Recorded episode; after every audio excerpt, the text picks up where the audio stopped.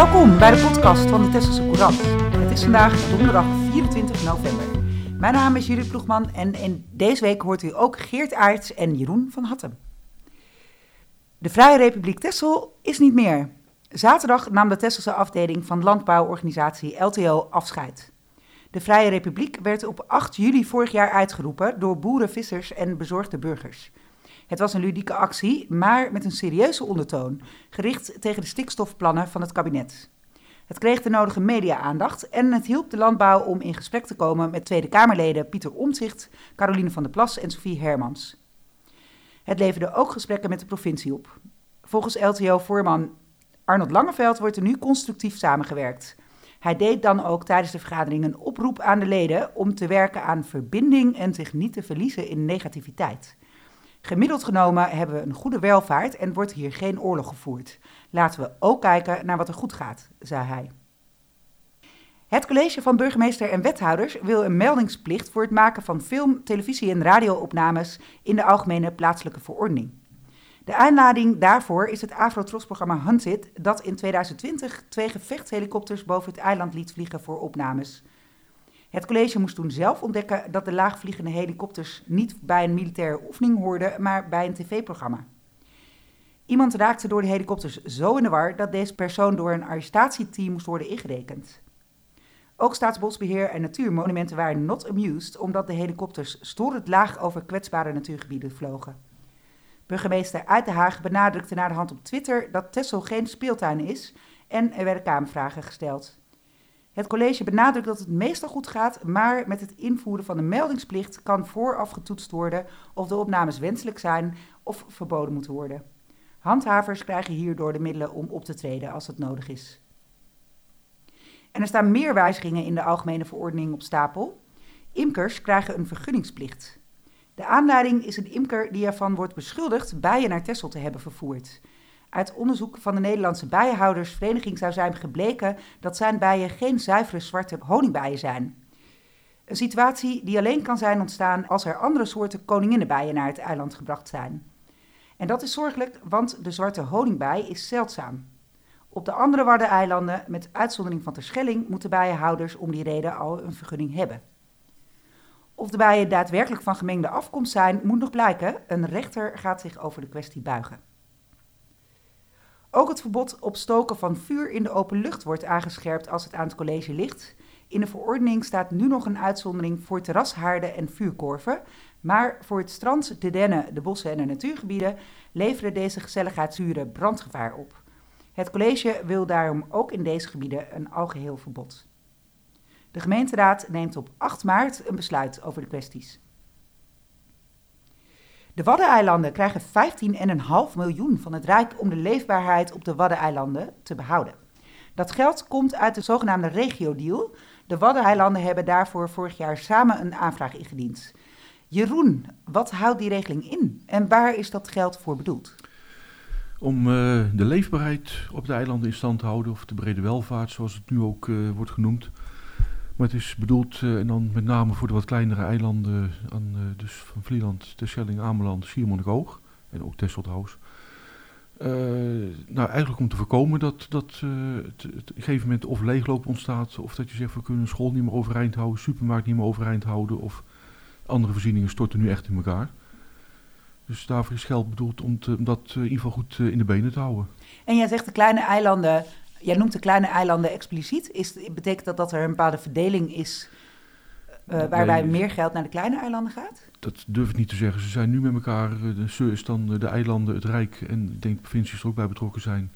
De, alle plannen nader aan de uitwerken om te kijken waar ze het 15 miljoen aan gaan besteden.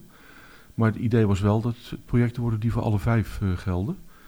En ik noem bewust even de vier andere. De, het is meer een stukje historie. Dus er is ooit een keer samenwerkingsverband ontstaan tussen uh, Vlieland, Terschelling, Ameland en Schiermonnikoog. Dus die trekken echt met z'n vier op. En Tessel ja, zit er ook bij, maar de ene keer wel, de andere keer niet vanwege de grootte. Dus ik denk dat het vooral voor die andere vier dat het echt van belang is met het geld. Dat, dat er gewoon voorzieningen goed in de benen worden gehouden. Texel is natuurlijk iets bereikbaarder dan die andere eilanden. Iets groter, dus de situatie wat anders. Ze draaien wel mee, maar Ik denk dat het vooral voor die andere vier uh, zal gelden. En nu heb ik begrepen dat zij eerder geld hebben aangevraagd, gezamenlijk, de Waddeneilanden. Ja. En dat die aanvraag toen afgewezen is. Klopt, klopt dat? Klopt, dat is begin 2020 geweest. En wat ik later begrepen heb, was dat de provincies Noord-Holland en Friesland toen iets minder aan boord uh, zouden zijn geweest. Waardoor de aanvraag bij het Rijk iets minder kans had. En nu waren ze wel aan boord en dan dat scheelt. Dus. Gezamenlijk optrekken, dat werkt. Ja. Zoals ook Arnold Langeveld al zei. Ja, uh, wat gaat er nu gebeuren? Wat is het proces? Uh, ik denk dus nog een tijdje met elkaar, zoals ik het begrepen uit, uh, ik had wel een navraag gedaan.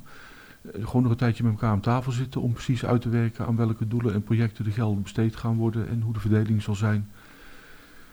En ik begreep dat er ook nog een moment komt dat alle partijen, dus rijke eilanden en misschien de provincies en het ministerie van Binnenlandse Zaken, ook allemaal moeten zeggen van nou hier gaan we mee akkoord, het is prima. En dan wordt het ook echt in uitvoering gezet. Oké. Dus wordt vervolgd. Wordt vervolgd. Ik ben benieuwd wat wij daarvan gaan merken. Ik ook. de zogenaamde derde landers, de mensen die in de Oekraïne verbleven toen de oorlog daar uitbrak, uh, maar niet uit het land afkomstig waren, verliezen op 4 september het recht op tijdelijke bescherming. Dat is een verlenging van zes maanden. Aanvankelijk zou de regeling eindigen op 4 maart. Voor Oekraïners geldt de beschermingsstatus in elk geval tot 4 maart 2024. Toen de oorlog uitbrak, kon niet iedereen terug naar het land van herkomst, bijvoorbeeld omdat de omstandigheden daar onveilig waren of omdat ze in een asielprocedure zaten. Op de hotelboot in Oude Schild zijn dat er 24. Vanaf 4 september hebben zij dus geen recht meer op gemeentelijke opvang, medische zorg en werk. Ze kunnen wel asiel aanvragen in Nederland en studenten kunnen een visum krijgen. Vluchtelingenwerk is op de boot aanwezig om vragen te beantwoorden en om advies te geven. De IND geeft voorrang aan mensen uit onveilige herkomstlanden. Zaken uit Jemen en Syrië krijgen in het bijzonder prioriteit. Vanaf 1 maart zijn er in Den Burg twee elektrische deelauto's beschikbaar. De auto's kunnen gebruikt worden voor korte ritjes over het eiland, maar ook voor dagtochten naar de overkant. Het is een initiatief van een aantal Tesla's en het zou uiteindelijk een volwaardig alternatief voor een eigen auto kunnen worden, denken ze. Bij ons in de podcast is initiatiefnemer Geert Aerts. Geert, welkom. Ja, hoi. Vertel. Ja, dus uh, misschien een beetje de achtergrond vertellen. Dat is wel goed om te weten, denk ik. Dus uh, allereerst, ik zit zelf, doe ik veel onderzoek aan zeehonden en ook uh, onderzoek aan zeehonden in het Noordpoolgebied. En daar zie je eigenlijk dat klimaatverandering enorme ja, effecten daar heeft. dus je ziet bijvoorbeeld dat elk jaar is er wel een nieuw record, waarbij je dus minder ijs hebt en heel veel dieren zijn ervan afhankelijk. Nou, we zien dat uiteindelijk natuurlijk ook in Nederland gebeuren. Steeds vaker hele warme zomers, ook perioden met of veel regen of veel droogte. Maar je ziet tegelijkertijd ook, als je, hè, dus je denkt van we moeten hier iets aan doen. Maar tegelijkertijd uh, zit je op een gegeven moment in de auto en denk je, ja, ik zit hier ook, ik draag ook mijn steentje bij. Nou, en op een gegeven moment ga je nadenken van ja, hoe kan dat nou anders? Um, en je hebt natuurlijk het openbaar vervoer en met de fiets kun je heel veel uh, bereiken. Maar soms is een auto heel handig, ook als je een gezin hebt bijvoorbeeld. Nou, en uh, dan, als je dan nadenkt van ja, wat is een mooie oplossing, dan kom je toch bij uh, ja, een elektrische deelauto uit. En dat is een beetje hoe het uh, idee dus het, is. Er zit een hele ideologische achtergrond eigenlijk achter voor jou. Ja, in zekere zin wel. En, en ideologisch misschien zou je ook kunnen zeggen een stukje verantwoordelijkheid. Als onderzoeker word je bijna dagelijks daarmee geconfronteerd. En ik kan me voorstellen dat voor heel veel mensen een beetje een ver van de bedshow is.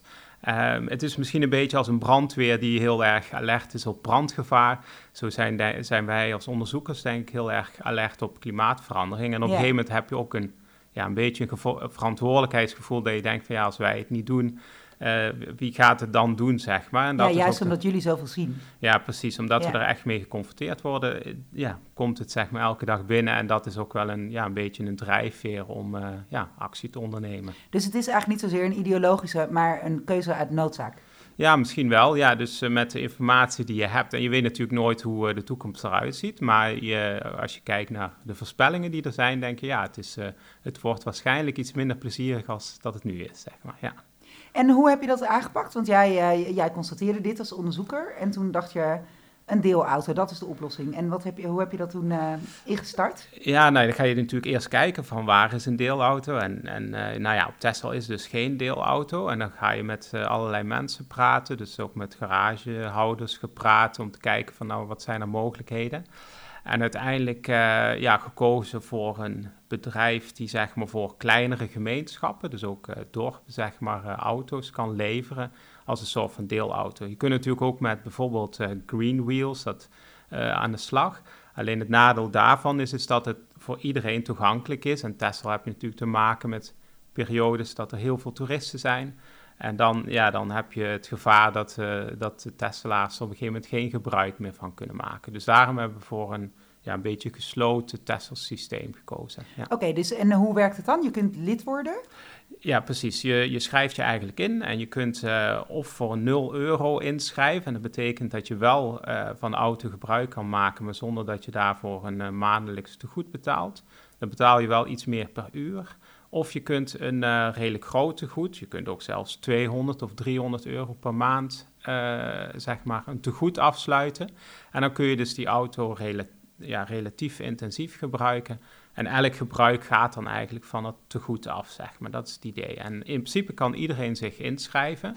Maar uiteindelijk zie je wel dat het een, ja, een kleinere groep is die, die dat ook doet. Want ja, veel mensen hebben een eigen auto en om praktische redenen kunnen ze besluiten om te zeggen... nou, ik hou mijn auto gewoon nog. En dat snap ik ook wel, ja. Ja, of ze wachten af. Dat, uh, dat zie je vaak bij nieuwe initiatieven. Dat mensen eerst even op een stoel blijven zitten tot het, totdat ze zien dat het werkt. Ja, precies. En, en dat zie je ook eigenlijk hierbij. Je, je begint iets, maar uh, ja, je, je hebt nog niks, zeg maar. Hè? Dus je moet iets beginnen zonder dat iemand ooit erva ervaren heeft van... Uh, ja, werkt het nou? En misschien werkt het ook niet, hè? Dat kan ook, dat we straks denken van... nou, dat was toch een mislukking.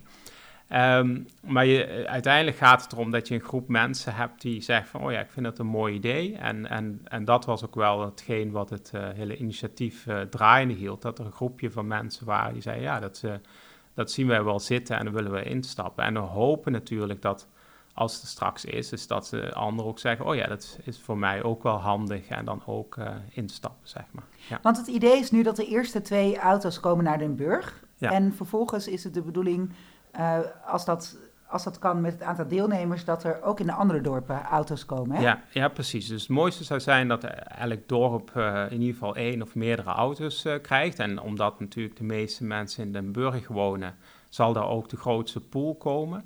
En dan zou het natuurlijk mooi zijn dat die, die grote pool dan ook gebruikt kan worden voor uh, iemand uit Den Horen bijvoorbeeld als hij op vakantie wil. Want het is natuurlijk, als je één auto hebt en je neemt die lange tijd weg en dan zit iedereen zonder auto. Maar als je bijvoorbeeld uh, vijf of zes auto's hebt, dan kun je natuurlijk best wel een, een auto een langere tijd missen. Dus we hopen dat, dat misschien ja, Den Burg de meeste heeft en daarmee ook uh, de andere dorpen bij wijze van spreken kan helpen, zeg maar. ja. Kan faciliteren. Ja, precies. ja. ja.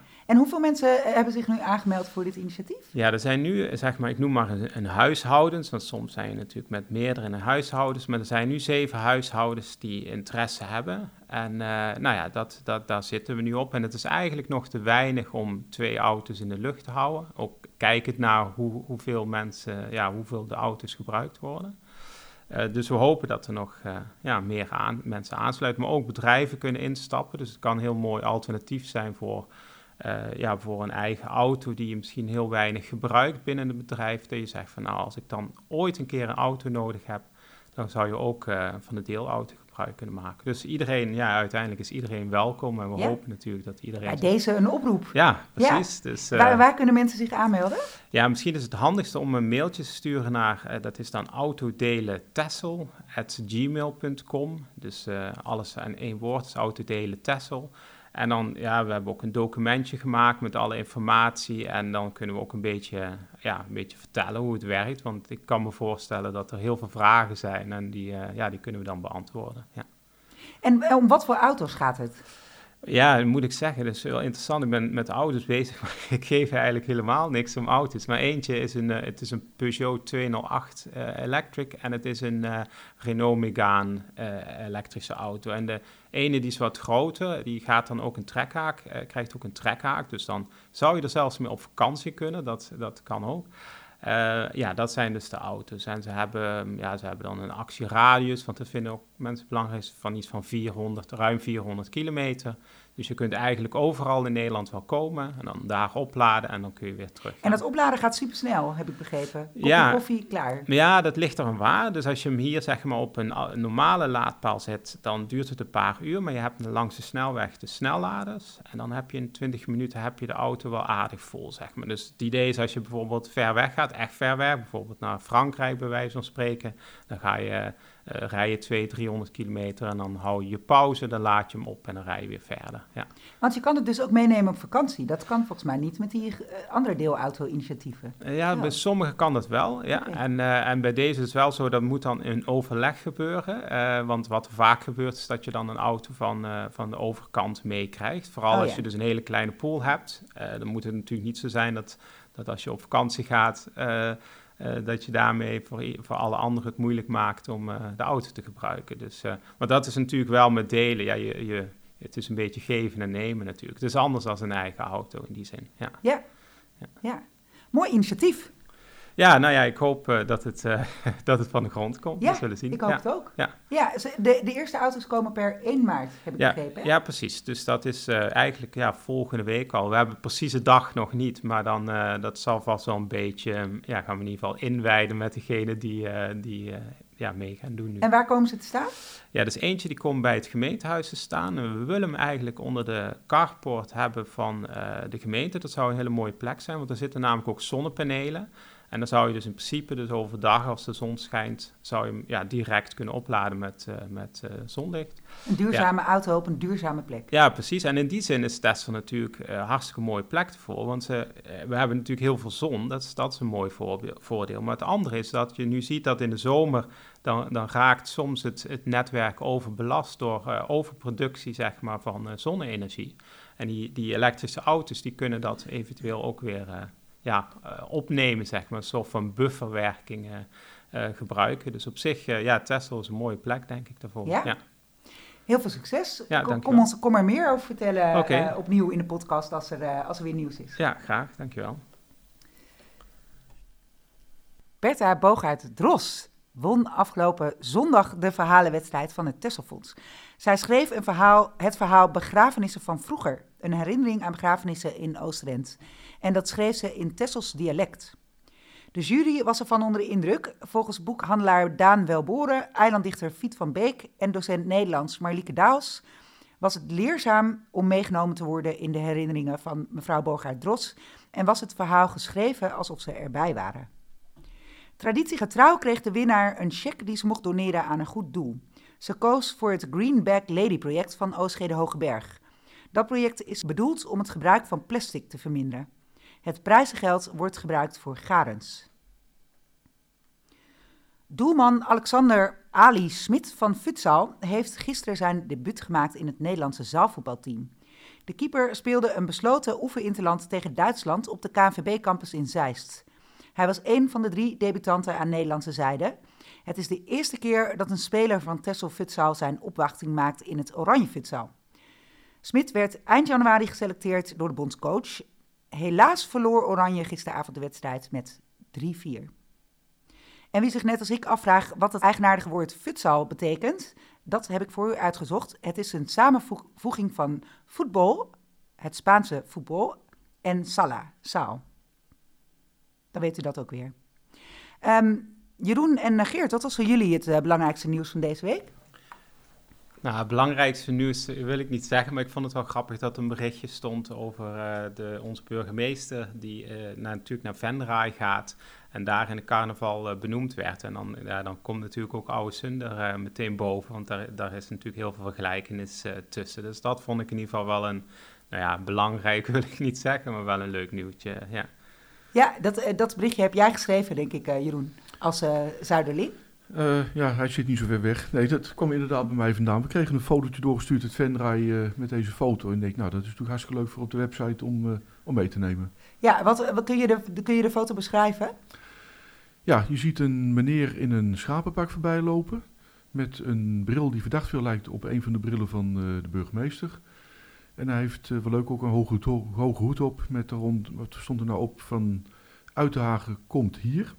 En dat was een verwijzing naar de huidige burgemeester die er zit, want die heet Kompier. Dus daar is een woordspeling van gemaakt. het zag er gewoon leuk uit. En oh ja, er stond ook nog een bord bij van ik ben de vuur geschapen. dus, het, dus het, nou, hij zat in de optocht. En wat was voor jou het nieuws van deze week, Jeroen? Uh, dan pak ik even de, ook al is het wat saaie nieuws, het, de regio-deal voor de Waddeneilanden. Want het is nog wel ver van de bed en er moet nog een hoop ontwikkeld worden. Maar het is voor de eilanden wel gewoon belangrijk nieuws. En ook eigenlijk de boodschap die erachter zit, is dat het Rijk ook wel gelukkig oog heeft voor de eilanden. Dat daar wel iets moet gebeuren. Om het ook gewoon normaal leefbaar te houden. En leefbaar in de zin dat er geen voorzieningen wegvallen. Of dat je denkt van nou, het wordt nu wel erg lastig met de school. Dus dat dat gelukkig uh, overeind kan worden gehouden. Ja, het zijn uh, mooie luchtige nieuwtjes, deze nieuwtjes van de week. Uh, dat was het voor vandaag. We zijn er volgende week weer en dan hebben we het over Day for Change. De Tesselse krant verschijnt twee keer per week en staat steeds boordevol nieuws, reportages en achtergronden. Neem ook een abonnement op de lokale krant van Tessel. Kijk op www.tesselsecourant.nl voor de mogelijkheden. Bellen kan natuurlijk ook tijdens kantooruren op nummer 0222 362 600.